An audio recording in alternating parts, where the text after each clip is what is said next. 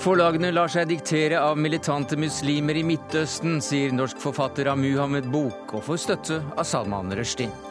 Det er færre voldelige konflikter i verden enn før, hevder anerkjent historiker på norgesbesøk. Hevder årsaken er at krig ikke lønner seg økonomisk.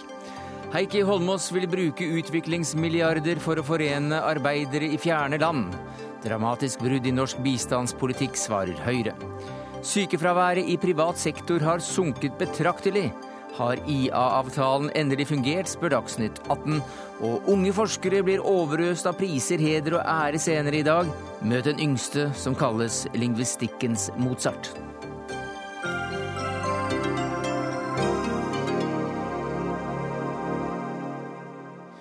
Ja, Det er noen av sakene i Dagsnytt 18 denne torsdagen, der vi også tar for oss den 600 år gamle boka som USA ville forsvare med krigsskip, og som handler om Norges historie.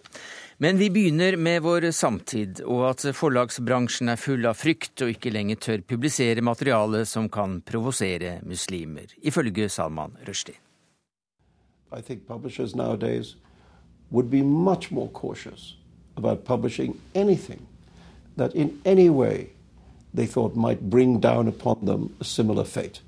You know? And so there is a self censoring um, problem in not I think of writers but in the publishing industry. I think there's much greater fear in the publishing industry. Forleggerne er blitt eh, feige. De driver med selvsensur i frykt for reaksjonene, sa Salman eh, Rushdie til Brennpunkt. Her et klipp som ikke fikk plass i dette programmet på, på tirsdag. I dag var det igjen store demonstrasjoner i Pakistan, eh, Teheran, i Iran og i Afghanistan. I dag så sier da også du eh, det samme som Rushdie. Du sier det til NTB, Knut Lind, forfatter av en nylig utkommet bok om Mohammed. Hvordan begrunner du ditt syn om at eh, forlagsbransjen er feige? Det er jo veldig vanskelig å bevise. Men uh, dette er noe som norske forfattere, og forfattere også ute i verden, som vi forstår etter å ha hørt Salman Rushdie, har diskutert en uh, god stund.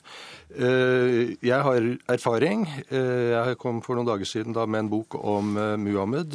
Manus var ferdig for to år siden. jeg kan da skryte av at boka er blitt refusert på ni forlag i Norge før Cappelen Dam eh, til slutt eh, ville utgi den. Ingen av eh, forlagene oppga litterære grunner til at de ikke ville utgi den. Og boka er da også innkjøpt av Kulturrådet, så den har fått sitt kvalitetsstempel. Og du har gitt ut en 10-15 bøker før? Og jeg har utgitt 13 bøker tidligere. Så virkningene av den konflikten gir seg også utslag i Norge i form av selvsensur i norsk forlagsbransje? Ja, dette er jo uh, selvsensur. Det er jo ikke sånn at uh, Einarsson og hans kolleger setter seg ned på et møte og diskuterer dette og bestemmer at nå skal vi være forsiktige. Uh, det er jo noe som skjer gradvis som følge av voldshandlinger og trusler rundt omkring i verden. Og Einarsson, som du har introdusert, er altså Kristin Einarsson, administrerende, administrerende direktør i Norsk Forleggerforening. Hva sier du til disse påstandene? Jo, jeg sier følgende. Det er klart det er blitt en endring i, i, forhold til hvordan forlag tenker utgivelse som følge av alt som har skjedd eh, fra Rushdie-saken, 11.9., mm. karakterhusstriden osv. Mer selvsensur? Nei, eh, jeg sa det har skjedd en endring, og nå kommer endringen. Mm. Endringen er at man gjør en mye eh, grundigere vurdering av hva som eventuelt er kontroversielt. Man gjør en vurdering av hva man gjør i forbindelse med en kontroversiell utgivelse. Alt fra å vurdere og, og av og til ha kontakt med politiet i forkant. Jeg kjenner meg ikke igjen i dette bildet. Jeg eh, skal ikke snakke for den internasjonale forlagsverden som Salman Rushdie beskriver. Jeg føler meg rimelig sikker på at hvis en bok med den type litterær kvalitet som 'Sataniske vers' hadde kommet på Mats Nygaards bord i dag, så tror jeg han hadde gjort det akkurat det samme som sin far William Nygaard. Hva, hva tror du om, du om det, Linn? Hadde tror, 'Sataniske vers' blitt utgitt i dag? I jeg tror at eh, Salman Rushdie har helt rett. Han ville ha fått store problemer med å utgi 'Sataniske vers' i Norge og i eh, kanskje de fleste andre eh, vestlige land. Det er helt riktig som Einarsson sier, at det foregår en, en mye grundigere vurdering av eh, potensielt farlige bøker. Men, men det, den grundigere vurderingen den starter mye tidligere enn han antyder. Den starter allerede ved utvelgelsesprosessen. Dette er ikke riktig, og, og, jeg skulle gjerne hatt noen eksempler hvis noen hadde. Altså i, det, og Særlig etter det som skjedde i Norge, med, med attentatet mot William Nygaard i 1993, så er det en ryggmargsrefleks i norsk forleggerverden om at vi gir ut det som er verdt å utgi. Nå tok jeg en telefon til Linds forlag for å høre om hans utgivelse var karakterisert som en kontroversiell utgivelse, hvilket forlaget sier nei, det er den ikke. Det er en ungdomsbok som er eh, en, en beskrivelse av Muhammed som de skal følge opp med utgivelse av Men det gir vel inn et enda større poeng at eh, til og med ikke ukontroversielle bøker om Muhammed er det noen som vil gi ut? Nei, men da må vi jo spørre eh, hvorfor antok ikke disse andre forlagene. Og det kan ikke jeg gå inn, det er en forlagsvurdering. Men altså, jeg må gjenta poenget. Det som er verdt å utgi i Norge, blir utgitt i Norge. Hvor mange bøker om, eh, om islam, om, om, Muhammeds liv er kommet ut i det siste? Jeg har ikke jeg har gjort research på det. Mm. Ja, Det er kommet, kom ut én bok eh, i fjor. Det var Halvor Kjønns eh, store, monumentale biografi om Muhammed. og Den kom ut på et lite ukjent forlag som heter Dreyer. Den skulle egentlig kommet ut på et annet forlag, men forlaget bare sluttet å kommunisere med ham, så han måtte gå til et annet forlag. Eh, så eh, Einarsson må eh, gjerne si dette, men jeg fikk jo ulike diffuse begrunnelser for hvorfor boka ikke ville utgis. Først da ble, boka ble sendt inn, fikk jeg positive tilbakemeldinger fra redaksjonene. Deretter så ble det stille. Deretter så hadde boka vært oppe på, på sjefsnivå, og man hadde funnet ut at man ikke kunne utgi den av ymse grunner. Bare ett forlag ga en ærlig begrunnelse. Det var fordi det var tema Muhammed. De ville ikke gjøre det, de turte ikke.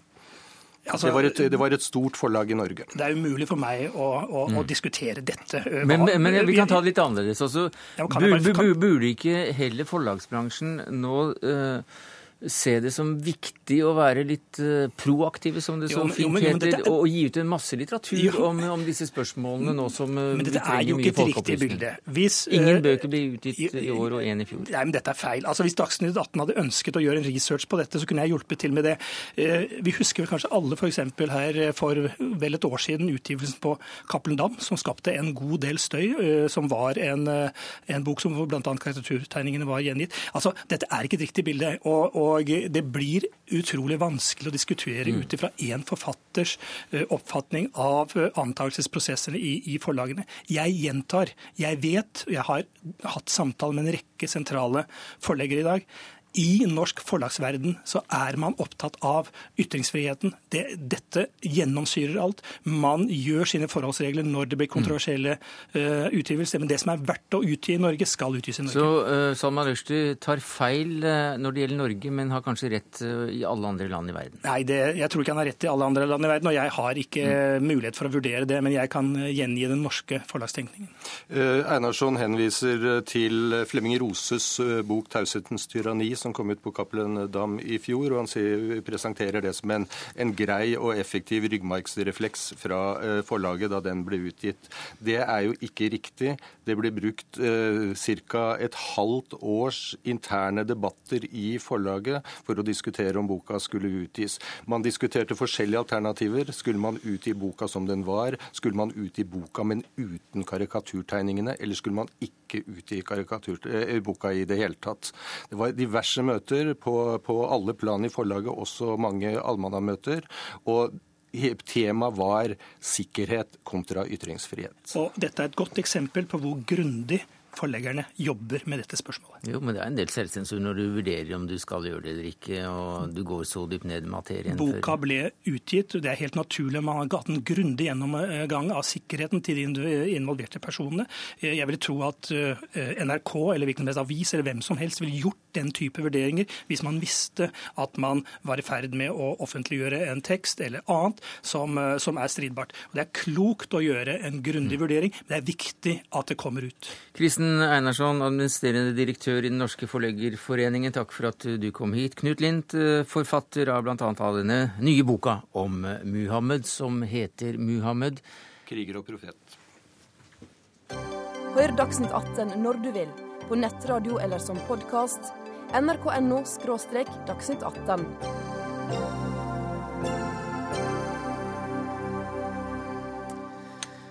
På tross av eh, demonstrasjoner og eh, harde ytringer mot karikaturer og omtaler av profeten, så kommer det en gladmelding her. Det er nemlig mye fredeligere i, i verden. Det er færre voldelige konflikter enn før. Dette er hovedbudskapet til den anerkjente israelske historikeren og forfatteren Azar Gatt, som i dag har presentert sine teorier med tungt empirisk belegg på Fredsforskningsinstituttet Prios årlige fredskonferanse. Og der var eh, du, utenrikskommentator her i NRK, Gro Holm, som deltaker i et panel i etterkant av forelesningen. Men la oss ta mannen før vi tar ballen her. Hvor vil du plassere eh, Gatt eh, som fagmann? Ja, Gatt er opprinnelig historiker. Nå opptrer han mer som statsviter. Han har solid bakgrunn fra både britisk, tyske og amerikanske universiteter. Han er også major i det israelske forsvaret. Eh, han er en av de fremste krigshistorikerne i verden og har utgitt altså bindsterke verk. Det ene kom i 2006 og heter 'Krig i den menneskelige sivilisasjon'. 800 sider om eh, hvorfor det har blitt færre kriger i verden. Da har vi fått kontakt med hovedpersonen her bak eh, disse bøkene, som akkurat nå er hovedpersonen på en mottagelse ved Prio. Mr. Azargat, so nice of you to join us here in Dagsnytt 18. Thank you. Thank you for having me. First of all, uh, what are the main reasons for, for the decreasing of human fighting and, and fatalities? Well, first of all, it's uh, important to recognize that there is such a trend because most people believe that the world is going from bad to worse and that we are having uh, more wars all the time, whereas the opposite is the true. Mm. And the and the main decrease is in the developed world, uh, the in the uh, undeveloped parts or developing parts of the world, uh, we still have wars, but we no longer have wars in the developed parts of the world. And now to your question, um, the reason is not because wars have become more destructive and lethal. Throughout history, uh, wars have always been very destructive and very lethal, and the uh, deadly that is. Um, with uh, casualties being very high. It's not true that modern war has become more deadly and more destructive as many people believe. So the main reason why wars have decreased is not because of the greater destruction of war, but because of the greater profitability of peace.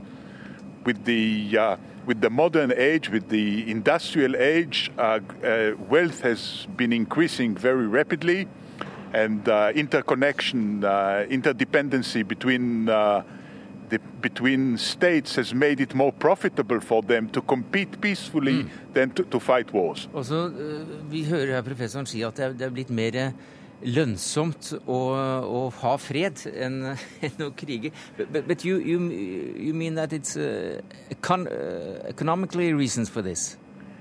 It's uh, it's mainly economic reasons for this. Obviously, the economic change is uh, is accompanied by a change of attitude, by a change of norms. The whole the whole world uh, seems differently. While once your whole uh, circumstance, your whole conditions of life change. Hmm. Uh, we know that you are a busy man tonight and uh, you have a party to attend. So thank you uh, so much for being with us, Mr. Azar uh, Gatz Groholm. Uh, hvordan treffer disse teoriene dagens etablerte syn på verden? Jo, altså Det er jo ikke eh, så veldig kontroversielt dette med at gjensidig avhengighet gjør at prisen for å krige blir høyere. Eh, det er det nok mange som eh, mener, men det er en del som legger mer vekt på eh, ideer enn det godt gjør. Altså at selve ideene, du kan si mer pasifistisk inspirerte ideer, betyr mer. Og de tenderer til å være mer representert i demokratiske samfunn. Så da ender man på en måte litt på det samme resultatet, men at, det, at mm. faktisk er ideene viktigere. Og så sier han jo også, det sa han ikke her, men han sa også der nede på konferansen, at autoritære kapitalistiske kapitalistiske systemer eller med klare kapitalistiske trekk, som Kina og Russland, eh, de er en utfordring for fred. Og der er det nok en del som vil være uenig, for det finnes ikke mange belegg på at disse statene faktisk har representert noe større trussel eller vært mer krigerske de siste tiårene enn f.eks. USA eh, og da de som er med i Nato. Håvard Hegre, du er professor i statsvitenskap ved Universitetet i Oslo, og du er forsker nettopp ved fredsforskningsinstituttet PRIO. Vi hører også at eh, det er mindre kriger. Det er fredeligere i verden enn ja, enn når da? Denne trenden som Masagat beskriver, den, den, han, han, trekker linjen helt tilbake til førhistorisk tid. Ja. Så det første kapitlet starter med de to siste to millioner år. Um, så, så, hvis det er fredeligere i dag enn på to millioner år, så er det ikke så verst? Det er ikke så verst. Og han, han trekker på en rekke kilder fra både antropologi, biologi, evolusjonær biologi, eh, arkeologi. Så han viser til eh, studier av eh, skjeletter hvor man kan se eh, hvilken, man kan telle hvor stor andel av skjeletter som er bevart fra et sted, og se hvor mange som har tydelige merker etter våpenbruk, så knuste skaller og sverdmerker og den slags. Så da ja, hvilke andre empiriske bevis er det han, han kommer med? Ja, Det er det, og så er det arkeologiske eller antropologiske studier av f.eks. Eh, Eh, buskmenn, som ble fulgt av antropologer i mange år. hvor Man da følger dem så lenge at man vet omtrent hva dødeligheten er av forskjellige årsaker. Mord eller sykdom. Eller. Så det han sammenfatter, er, er, statistikk på dødelighet i forskjellige av disse samfunnene fra forskjellige kilder. Enten etnografiske kilder eller fra arkeologiske kilder. Sånn. Er det slik verden ser ut eh, fra ditt eh, vindu på, på Prio over Akerselva?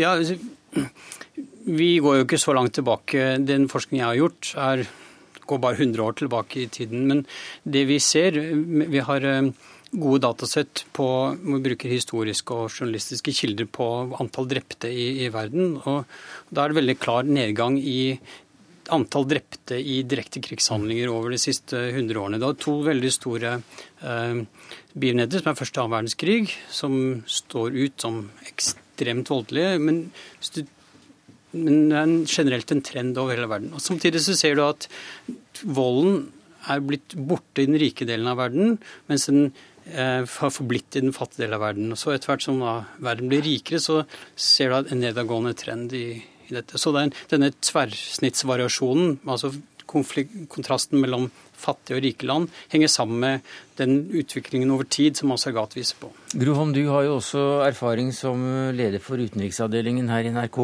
og som sjef for alt som hadde med, med nyhetene her eh, i, en, eh, i flere år. Er det vår måte å presentere verden på som, som, da er gal, siden forskeren sier at det er jo fredeligere, men det får du jammen ikke inntrykk av når du slår på verken radio eller fjernsyn eller leser aviser?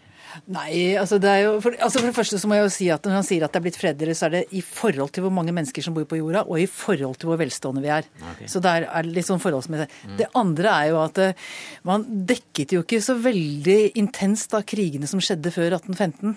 Altså vi hadde ikke liksom uh, vi, hadde ikke 15 sendinger om dagen hvor vi spydde ut uh, stoff om sivile lidelser i forbindelse med krig. Det er, det er vel noe med at den moderne medieverden rapporterer det som skjer, på en helt annen annen måte eh, enn det som ble gjort tidligere, og det gir jo et annet inntrykk. Eh, og så eh, er det nok mer fokus på sivile lidelser. altså Det er nok riktig, det poenget har jo gått også, at i moderne demokratier så liker man ikke å se på at andre mennesker lider pga. det man selv utsetter dem for. Man vil gjerne at det skal være så klinisk og rent som mulig. Og det, det gjør nok også at vi er mer sensitive for den type ting enn, det, enn kanskje før, hvor vold var mer vanlig. Det er en kar som er atskillig mer kjent enn en, den høyt eh, prisbelønnede eh, forskeren fra Israel, og det er Steven eh, Pinker.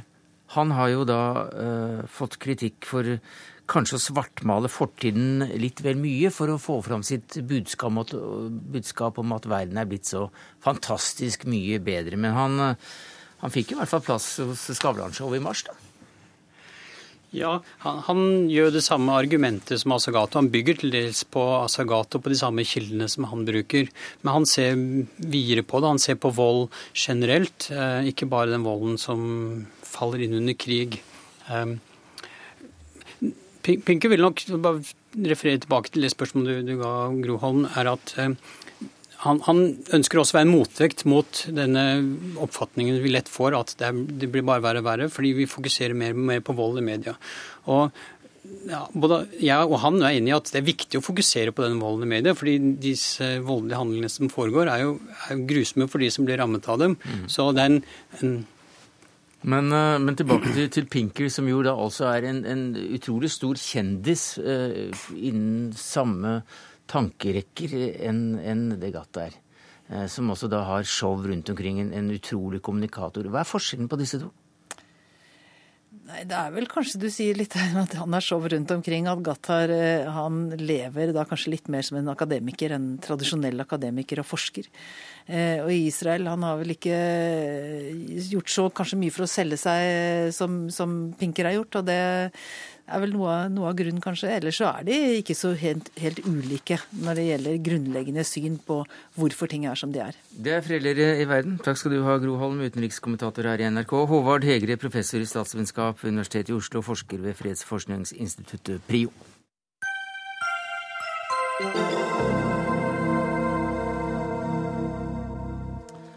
Om noen minutter så skal et eh, knippe fremragende yngre forskere få håndfaste bevis på at eh, jammen settes de pris på. Det følger riktignok ikke noe særlig penger med, men heder og ære. Det er Morgenbladet som nå klokka 19 kårer landets ti ypperste forskere under 40 år, og gratulerer med dagen, Terje Lodal. Tusen hjertelig. Du er den aller yngste. Du er 26 år. Du driver med lingvistikk ved NTNU i Trondheim, og du er blitt kalt lingvistikkens Mozart. Hva er det du er opptatt av? veldig opptatt av hvordan språket er strukturert, og hvordan vi kan se likhet og forskjeller på, eh, mellom språk. Eh, og se på hvordan de eh, forskjellene og likhetene er manifestert i, i, hodet vårt. At vi faktisk har regler som, som styrer språkbruken vår. Som, det syns jeg er det mest interessante ved språk. Ja, Hjernen har sin egen grammatikk, sier du. Hva betyr det? Jo, Det betyr at hver av oss har skapt vår egen, egen, grammatikk som et resultat av vår biologiske utrustning og som et resultat av hvor vi har vokst opp. Så Hvis man har vokst opp i Japan, så har man lært japansk. Hvis man har vokst opp i, i Norge, så har man lært den aktuelle dialekten der man har, har vokst opp. Og Dette er noe som, som gjerne da internaliserer, som vi kan bruke på veldig kreative måter, som gjør at vi kan uttrykke oss slik som vi uttrykker oss.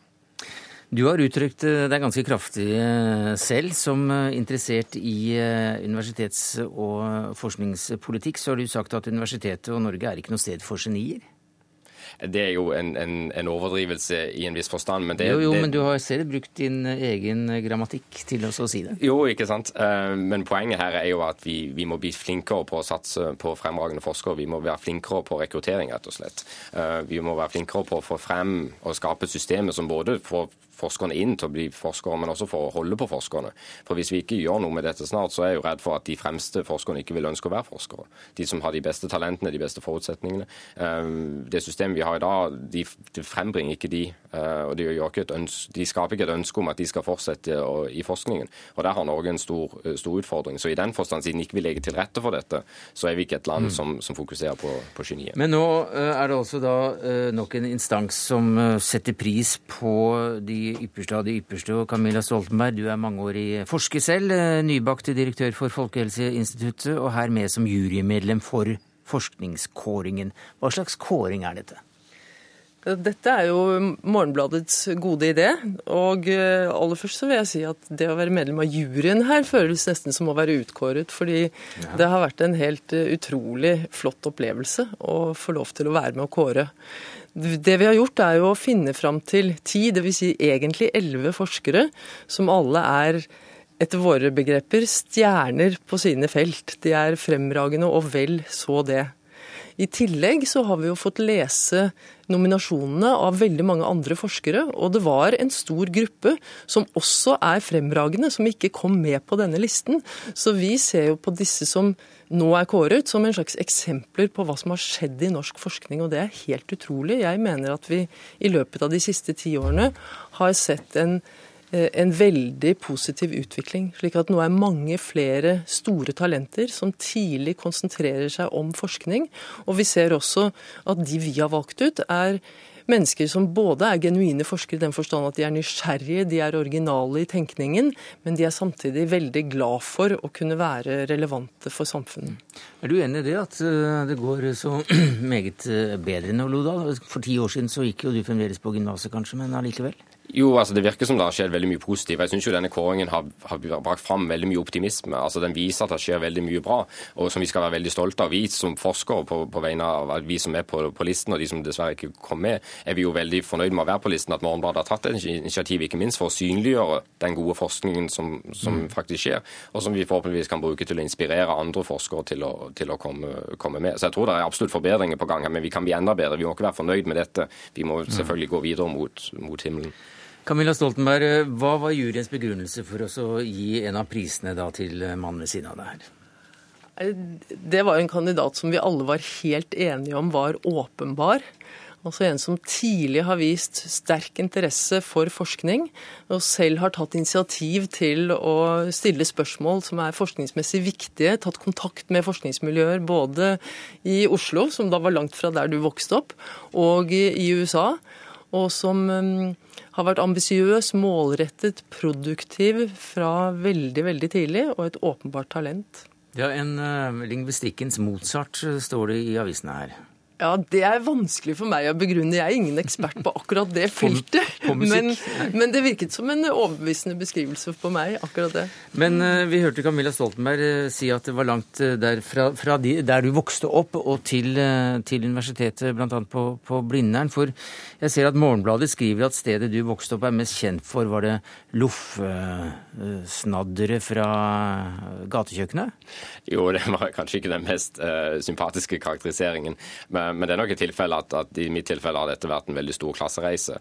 Ja, Familien din er ikke stappfull av kjente akademikere? Nei, og, og det har heller ikke vært noen tradisjon på dette, altså på dette stedet så det, skal man helst bli ved sin lest, og man skal ikke, uh, man skal ikke gjøre noe helt nytt og, og sånn sett forlate stedet. Bibelcamp uh, har de? Ja, det har de, og jeg er veldig stolt av det.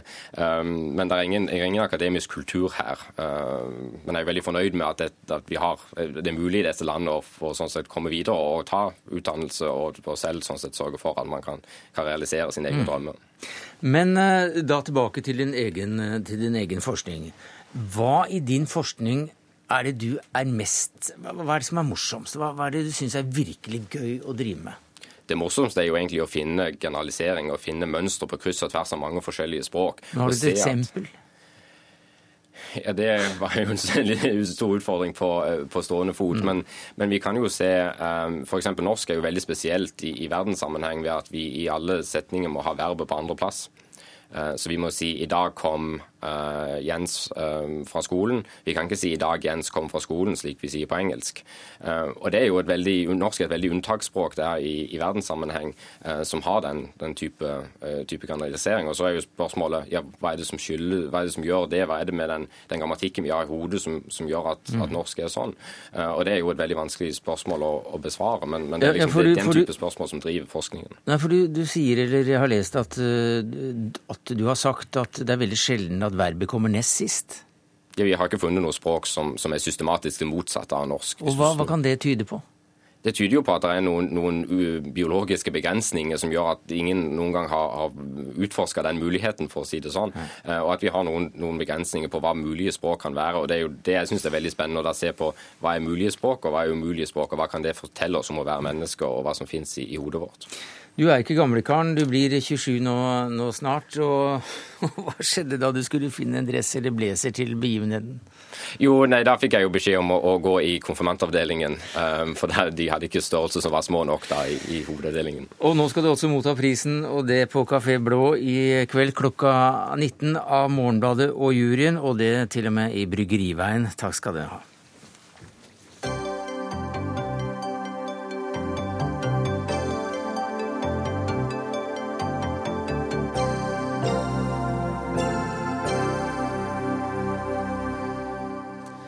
Ja, Tittelstad, det hadde vært gildt å ha selve boka vi skal snakke om eh, her nå i studio. Ja. Hvor, tjukk, hvor tjukk er den? To bind så tjukt. Og så 46 cm i lengde. Ok, 20 cm tjukk og ja. 30, ja, 25 cm tjukk. Og så, Cirka det, ja.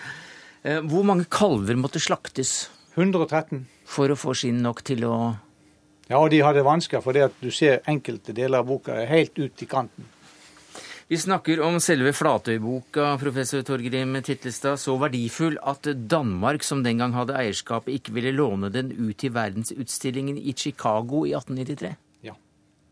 Selv om Ja, selv om eh, det var ganske sikker transport, og de kunne sikkert ha beskytta den mot eh, forlis etc., etc. Fordi USA ville sende ja. med krigsskip? Ja, for det, det, det, var jo da du kan, Elisabeth kan jo si sitt. og det hadde med vi, Oppdagelsen av Vinland står jo utførlig i Flatøyboka. Mm. Og så er det jo da i den tid den nordamerikanske og europeiske kulturarvens et av hovedgrunnlaget for den. Men den var også så verdifull for, eh, for, eh, Danmark og Island at eh, ikke engang USAs løfter om å sende med krigsskip for å ta vare på denne boka nyttet.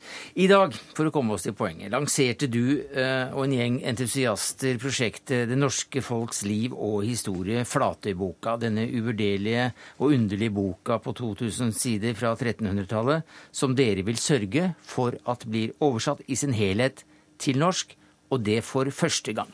Ja. Hva slags bok er da dette? Ja, Det er et fantastisk verk. Du kan se forskjellen på kongesagaen og Flatøyboka. Det at kongesagaene er på en måte, for å se det på en stygg og ikke nødvendigvis riktig måte, det er A4-fortellingen om de norske kongene. Snorre. Snorre, ja. Mm. Dette fantastiske verket. Så da forstår du hva du har å vente for Flatøyboka, som kommer vel 150 år etterpå. Og Der får du på en måte intimitetssektoren til de norske kongene, kvinner og stormenn. Mm på en måte som ikke finnes i kongesagaene. I tillegg til får du òg fantastisk interessante kapittel om politisk, juridisk tenkning, som da Snorre Sturlason har med kanskje litt om, men du får ikke dybden i det. Altså intimitetssfæren? Eh, ja, seksualliv og Aha. diverse andre sånne ting. Ja vel. Eh, men hvem var det som eh, fikk den skrevet, da? Ja, det var, det var, to eh, prester på Island. Men det som er det spennende, det er sponsoren, det var Jon Håkonsson. Mm. Og han var barnebarnet til en av eh, de fremste ved det norske hoffet.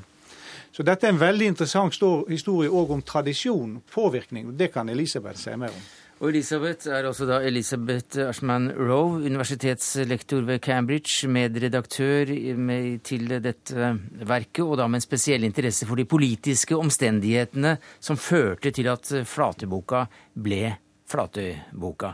Jeg er ikke helt sikker på hvilket språk du kommer til å svare på nå, men altså, kan du fort, kort forklare om disse omstendighetene, the political background for Flatøyboka? Ja, um, det, det, kan tenkes at uh, Flatøybok var produsert som en gave til en norsk uh, kong, um, Olav uh, den fjerde. Mm -hmm. Og um, uh, håndskriften inneholder mange fortellinger om hvordan kong Olav Tryggvason og Olav den hellige var gavmilde med islendingene i sine tjenester. Og så um, sponsoren til boken um, uh, han ønsker antagelig at uh, hans kong Olav skulle ta de tidligere Olaver som forbild, og være gavmild med islendingene også. Så, så, dette var altså et slags, slags pedagogisk uh, skrift til et ungkongsemne for at han skulle lære av historien, og særlig Moran ja, Helle og forholdet til Island? Akkurat. Jeg vet ikke om på norsk man kan si 'ta et blad fra et bok'. Um, um, samtidig å, å, imitere noe. Men vi har et bok som uh, var uh, Jeg vet ikke uh, designet, designert. Mm. Um, å være uh, et uh, eksemplar, eksemplum uh, for den unge king. Men, men, men, denne kongen døde jo? Ja, det, det er um, slik uh, en, en, historie um, uh, før boken uh, var begynt, var kongen allerede død. Han døde plutselig, um, bare 16 år gammel. Um, men uh, nyhetene um, kom ikke til Island før neste, neste år. Um, og så um, uh, boken var uh, skrevet for en unge av norske kongen som heter Olav. Men det var hans mor, den danske uh, Margrethe den første, som ble dronning, og uh, boken var ikke skrevet uh, for, for henne. Um, det skulle ikke påvirke henne i det, i det sam samme grad. Um, og så sponsoren um, beholdt boken for seg selv. Mm. Og han beholdt den i mange mange hundre år, helt til en biskop kom og, og forlangte den uh, brakt til, uh, til Danmark. Det, det, var ikke i, hans familie, um, i hans familien hele, hele tiden. Um, mm. Hans datter um, kunne ikke uh, holde på um, bø, og så det var solgt. Um, og boken um, forte med reste, det, det reste med denne uh, Aaron til Vestlands i, på, på Island. Mm. Og så det var, det var, den som det ble uh, bok. Men dette er da altså ifølge deg, Titlestad, verdens eldste skriftlige kilde fra den vestlige halvkule. Altså disse kildene fra den vestlige halvkule viser at kampen for individuell frihet går som en rød tråd gjennom historien. Det skriver dere i presentasjonen for lanseringen. Altså Skiller det norrøne seg her eh, fra en annen europeisk sammenheng? Ja, den gjør det. Og det har sammenheng med tingsystemet vårt. For å ta et veldig konkret eksempel. Håkon den gode er sannsynligvis Europas første demokratiske monark, hvis vi kan tillate oss å bruke det begrepet. I, særlig i England er det jo en rekke engelske historikere som peker på den store betydning tingsystemet har hatt for utvikling av det politiske demokratiet i England. Og det preger sagaene. Du ser det godt i Heimskringla av Snorre Sturlason. Men faktisk så ser du det enda bedre i Flatøyboka, mm -hmm. fordi de går djupere inn i disse fenomenene. F.eks. et kjent eh, tale er jo denne talen på Trøndertinget mot eh, Håkon den gode, idé om kristning. Og Asbjørn fra Middelalderhus han får da langt større spalteplass i Flatøyboka enn han får hos Snorre. Og Det som er det spesielle med Snorre, det er at han er en stor estetiker, men han er en mer sånn, skal vi si, kvass redaktør.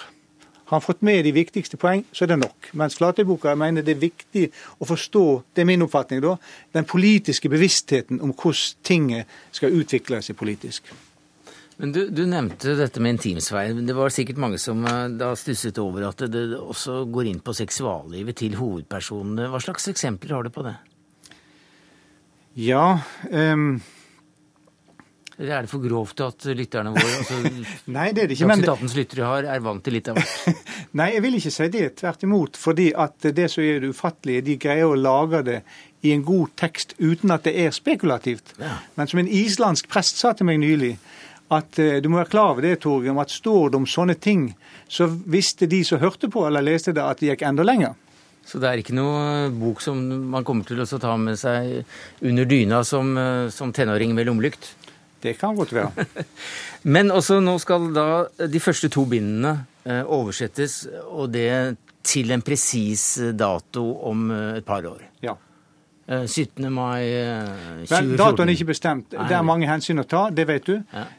Men det blir i samband med 200-årsjubileet for grunnloven vår. Ja.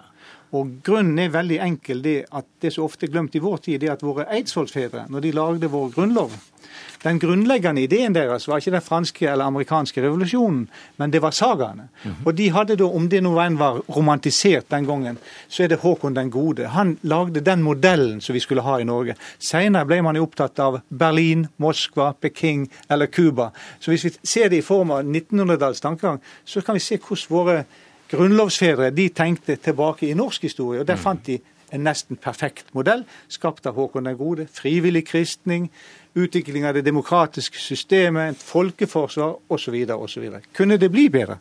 Og eh, gaven til det norske folk ved 100-årsdagen var altså da? Det var heimskringla. Og samme tankegangen hadde du omkring 1905. Og du kan jo si det var en form for indoktrinering av det norske folk når heimskringla skulle bli folkelesning. Og de fikk det til. Nå er det litt mer problematisk. Men Flatøyboka er jo mulig å gi en renessanse til mm. denne tanken. For du, eh, du, og dine vil jo gjerne at Flatøyboka da skal bli eh, Stortingets gave til det norske folk i 2014. Du, den har jeg ikke tenkt på. Takk skal du ha. uh, Elizabeth Ashmorow, uh, how do you describe this book? I mean, you, you have seen it, of course, in, uh, in quite recently in Iceland. It's extremely large, and for all its size, it's amazing how small and beautiful the writing is, mm-hmm. and the illustrations are very, very delicate and very well done. But actually, if I could add something to what you and Torgrim have been yes. saying, yes, that. Um, it could well be the startings gift um, for the Jubilee. Maybe you don't know that in Iceland in 1931, the first facsimile of Flatterabok was produced um, for the thousand year anniversary of the Alt- Alting in Iceland. So it definitely symbolizes democracy in the parliamentary system not just in Norway, but also in Iceland, and that was recognized in the 1930s. Island brukte også da Flatøyboka som eh, et eh, som en slags eh, gave til sine egne jubileer som, som nasjon, så hvorfor ikke Norge? Takk skal du ha, Elisabeth Ashman Roe, universitetslektor ved Cambridge og medredaktør av den norske utgaven. Torgrim Titlestad, professor og hovedredaktør for oversettelsen av Flatøyboka.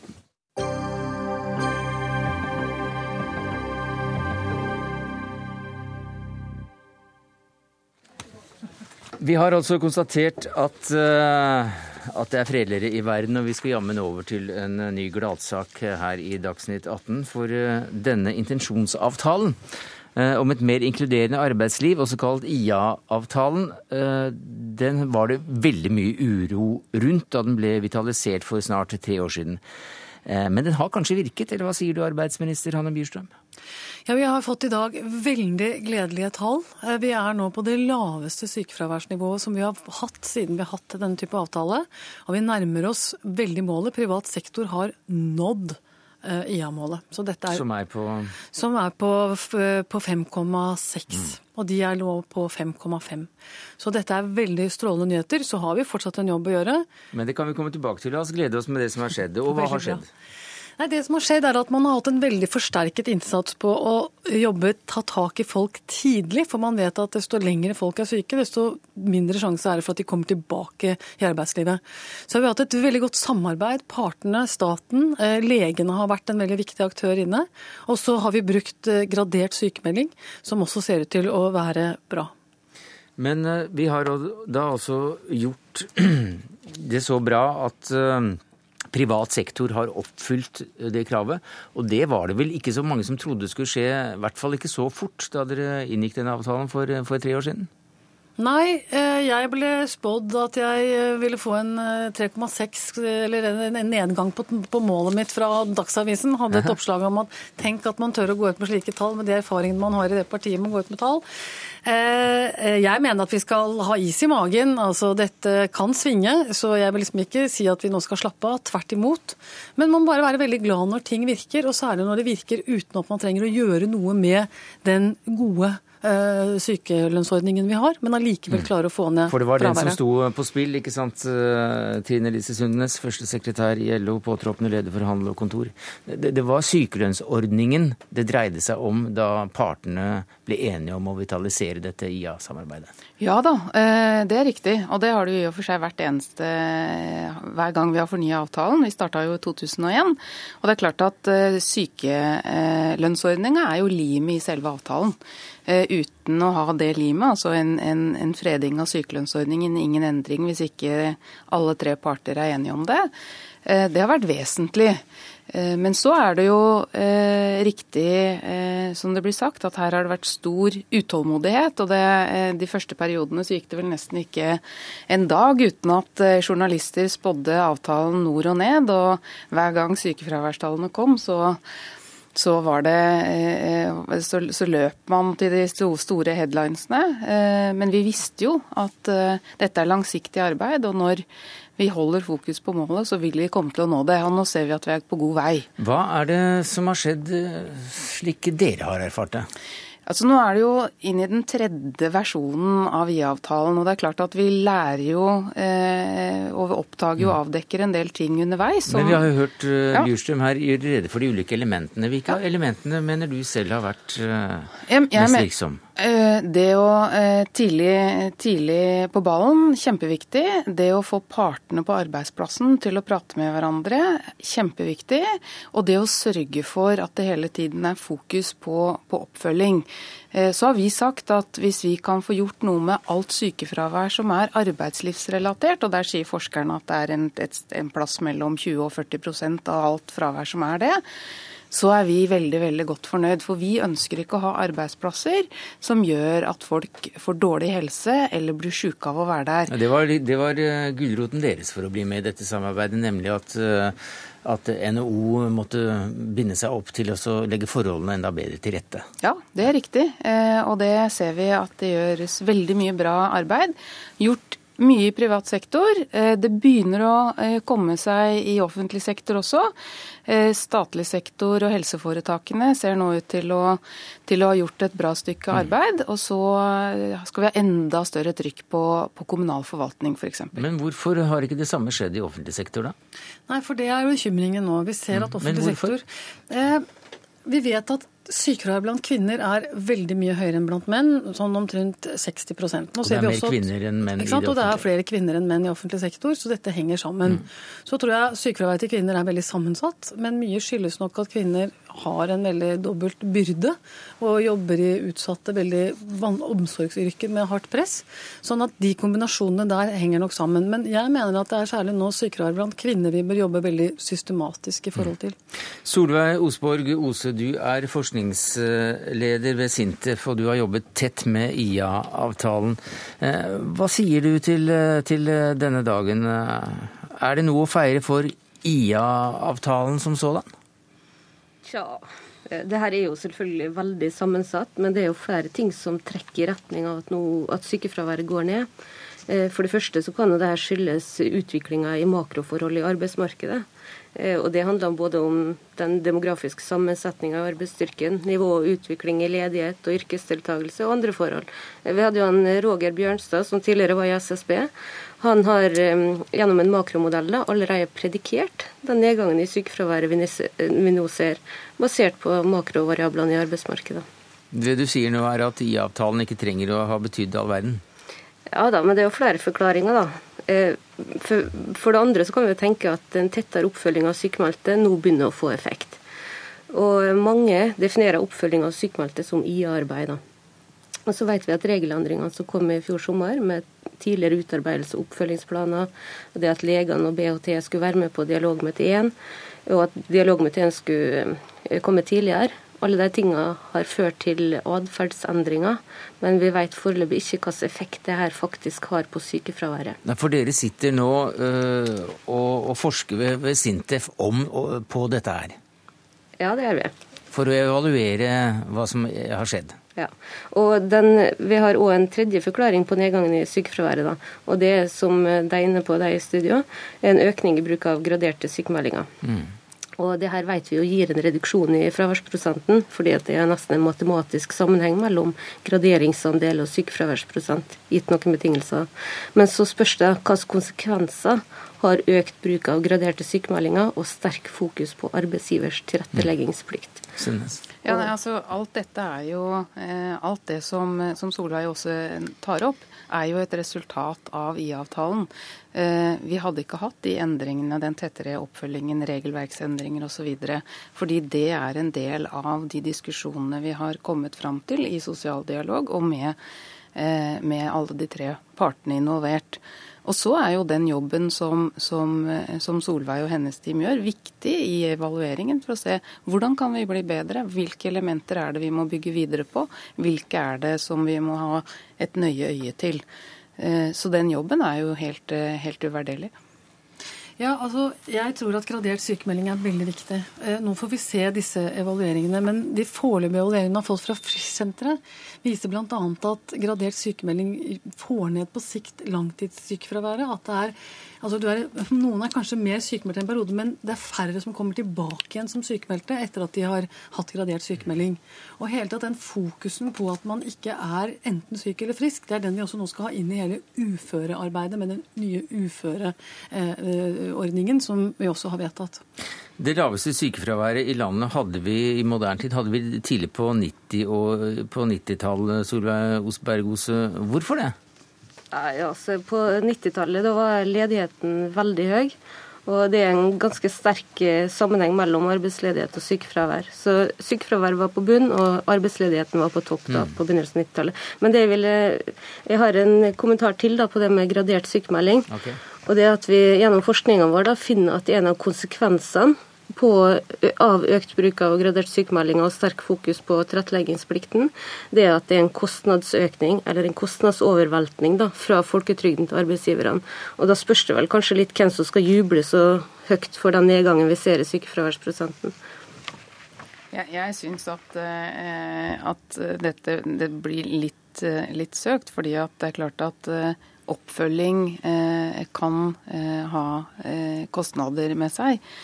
Og så er det for oss det viktigste det er jo å sørge for at at folk får det bedre på jobben. Mm. Eh, og så kan man jo alltids eh, liksom problematisere hvem som tar kostnaden, om det er staten eller arbeidsgiveren. Men det viktigste er at folk har et bra arbeidsliv. Litt maler til begeret der også fra Sintef og deg, Solveig Osberg også, men eh, det er en, en gledens dag. Det, ja, det spørs vel hvem du spør, da. Men arbeidsgiverne vil jo si at dette er en snikinnføring av arbeidsgiverbetaling ved sykefravær. Og det, er viktig å si hvordan de kostnadene kommer. Da. Og det er jo når det er mangel på produktive oppgaver en sykmeldte kan gjøre. Når tilrettelegginga for noen går utover andre. For det er klart at hvis noen får lavere belastning, så er det andre som får høyere belastning. Og det handler om at det er vanskelig å få leid inn vikar til halve dager, og at eh, det er andre ansatte òg som trenger tilrettelegging, og ikke bare det sykmeldte. Der fikk du en eh, sju-åtte nye temaer på, på, lista vår i Dagsnytt 18 for debattgrunnlaget er der. Hanne Byrstrøm, takk skal du ha som arbeidsminister. Jeg ser du har lyst til å si noe, men det får du ikke lov til. Trine Lise Sundnes, førstesekretær i LO, og deg, Solveig Osberg Ose, forsker ved Sintef. Takk skal dere ha. Det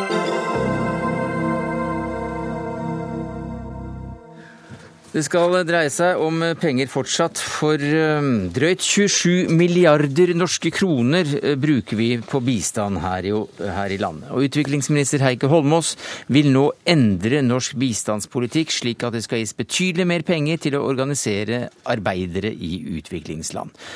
Og det virker som om ikke du er veldig begeistret for, Peter Gitmark. Du sitter i utenrikskomiteen for Høyre. Hvorfor ikke? Nei, Jeg opplever jo at det politiske skiftet som nå har kommet med Heikki Holmås som statsråd, er både en politisering og ikke minst å ta norsk utviklingspolitikk tilbake minst ti år. For det første så mener jeg at eh, Heikki Holmås glemmer fullstendig samstemtheten i politikken totalt sett. For det andre så reagerer jeg på at han nå signaliserer så tydelig støtte til en av de internasjonale organisasjonene som kommer dårligst ut i et hav av ulike rapporter, og det er den internasjonale arbeidstaker Eh, eller arbeidsorganisasjonen ILO. Eh, den britiske evalueringsrapporten slakter ILO. Det gjør også um, internevalueringer på en rekke punkter, og det gjør den svenske evalueringen. Britene følger dette opp og sier at de kutter all støtte til ILO. Heikki Holmås er med på å putte mer norske penger inn i den, selv om det er ytterst problematisk. Så er det den siste Nei, et øyeblikk, vi må nesten ta dette her, for det hørtes ut som en grav sambesalbe, utenriksutviklingsminister utenriks eh, eh, Heikki Holmås. Hvorfor i all verden støtter du ILO når det er en organisasjon på vei helt ned? ILO gjør en viktig jobb for å sørge for at uh, både samle det beste vi har i Norge, nemlig det gode samarbeidet mellom arbeidsgivere og arbeidstakere som er godt organisert, og som har bidratt til å sørge for at vi i Norge har den, en av de laveste forskjellene mellom rike og fattige i hele verden, og der arbeidstakere alltid har fått muligheten til å få en rimelig del av, uh, av det vi skaper. Uh, så, så er vi opptatt av effektivitet, og det kommer vi tilbake igjen til i, i budsjettet, og det, det, skal vi, det, skal vi, være, for det er jeg opptatt av òg. Men det sentrale poenget er jo at i verden de siste årene har du hatt betydelig vekst, men vi ser at veksten i seg sjøl har ikke bidratt til å avskaffe fattigdom. Det er kun når du fordeler veksten rettferdig at du klarer å skape fattigdom, hva, nei, avskaffe fattigdom. Og hva er det som er bedre og mer fornuftig enn å sørge for at arbeidstakere, når du har produksjon, når du har en vekst, får sin rettmessige del av den utviklingen. Og, dette, og da må de organiseres? Da må de organiseres. Arbeidstakere må organiseres, bønder må organiseres på en, en, god måte. Og dette er helt sentralt for å bidra til rettferdig fordeling, istedenfor Høyre, som bare tror at vekst er løsningen på alt. Ja, og Der tar Heikki Holmås uh, fryktelig feil. For det første så mener jeg at støtte til fagbevegelse er viktig, for fagbevegelser i en rekke land gir en mm. viktig stemme. Så det er bare til ILO at du er uh, ILO er spesielt kritisk han, til, fordi at de er så lite effektive. Hvis Heikki Holmås hadde puttet en her milliarder i de ulike fagforeningspottene rundt omkring i verden, det vært langt bedre. bedre. Mm -hmm. Fordi at ILO som organisasjon kommer så fryktelig dårlig ut av evalueringer, mm. og vi må kunne lære av andres mm. evalueringer, og vi må gjøre våre egne evalueringer. Men la oss droppe akkurat den ILO-biten, for eh, jeg er også opptatt av, av dine mer prinsipielle eh, vurderinger når det gjelder at det er Du ser dette som et ikke stemningsskifte, men faktisk et politisk skifte som har skjedd i, eh, i eh, Utviklingsdepartementet. Ja, og det sier jo også Heikki Holmås i artikkelen i Klassekampen, at han mener det er riktig å politisere utviklingspolitikken mer. Det jeg oppfatter er jo at Heikki er langt mer opptatt av bistanden enn av utviklingspolitikken i tillegg, og det mener jeg er fundamentalt feil. Men det viktigste han trekker frem, er jo ønsket om fordeling. Nå mener jeg ønsket om fordeling er et bra prinsipp, og noe som Høyre støtter fullt ut. Men ikke å sette fordeling eh, som det første prinsippet. For hvis Heikki Holmås utelukkende ønsker fordeling, så kommer han kun til å fordele fattigdom. Men det Høyre gjør, er jo å ha to tanker i hodet samtidig og sier at vekst og fordeling mm. sammen, det er det som gir folk muligheten til å arbeide seg ut av mm. fattigdom. Mm. Og er det noe som bekjemper fattigdom, ja, men så er det faktisk arbeidsplasser, og det må du ha økonomisk vekst for å få til. Men du har en haug med arbeidsplasser som er utrolig dårlig betalt. Hvis du går verden over og ser på hva slags type lønninger det er du får for si, eh, datamaskiner, PC-er som produseres, eh, tekstil som importeres til Norge Hvis du ser på lønningene til folk på mange av de stedene, så ser du at da har du, du opparbeider en type working poor. Du får en arbeiderklasse som ikke tjener nok penger til å komme seg videre. og Det er derfor jeg mener at i all politikken som vi driver på med nå, er vi nødt for å la fordelingspolitikken gjennomsyre. Kofi Annan gamle FNs generalsekretær, ledet et panel som het Africa Progress Panel. De sa det. I Afrika nå så hentes det ut store rikdommer av gruveindustri på andre måter, fra oljeindustri, men rikdommen kommer bare noen få til gode.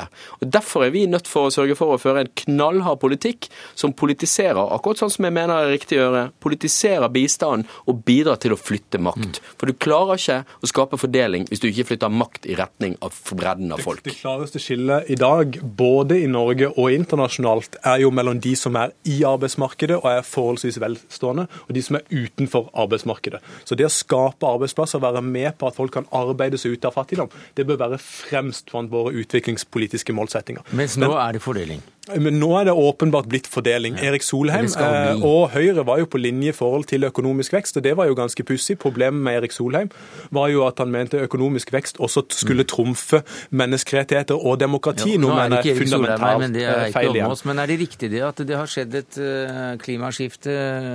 Og et skritt til venstre i departementet ditt eh, når du tok over for Erik Solheim, som jo var veldig opptatt av eh, vekst. Ja, men jeg tror at de rapportene vi har fått i siste tiden er veldig tydelige på å si Fra vekst er ikke nok. Ja, flere rapporter som er kommet faktisk etter at jeg tok over.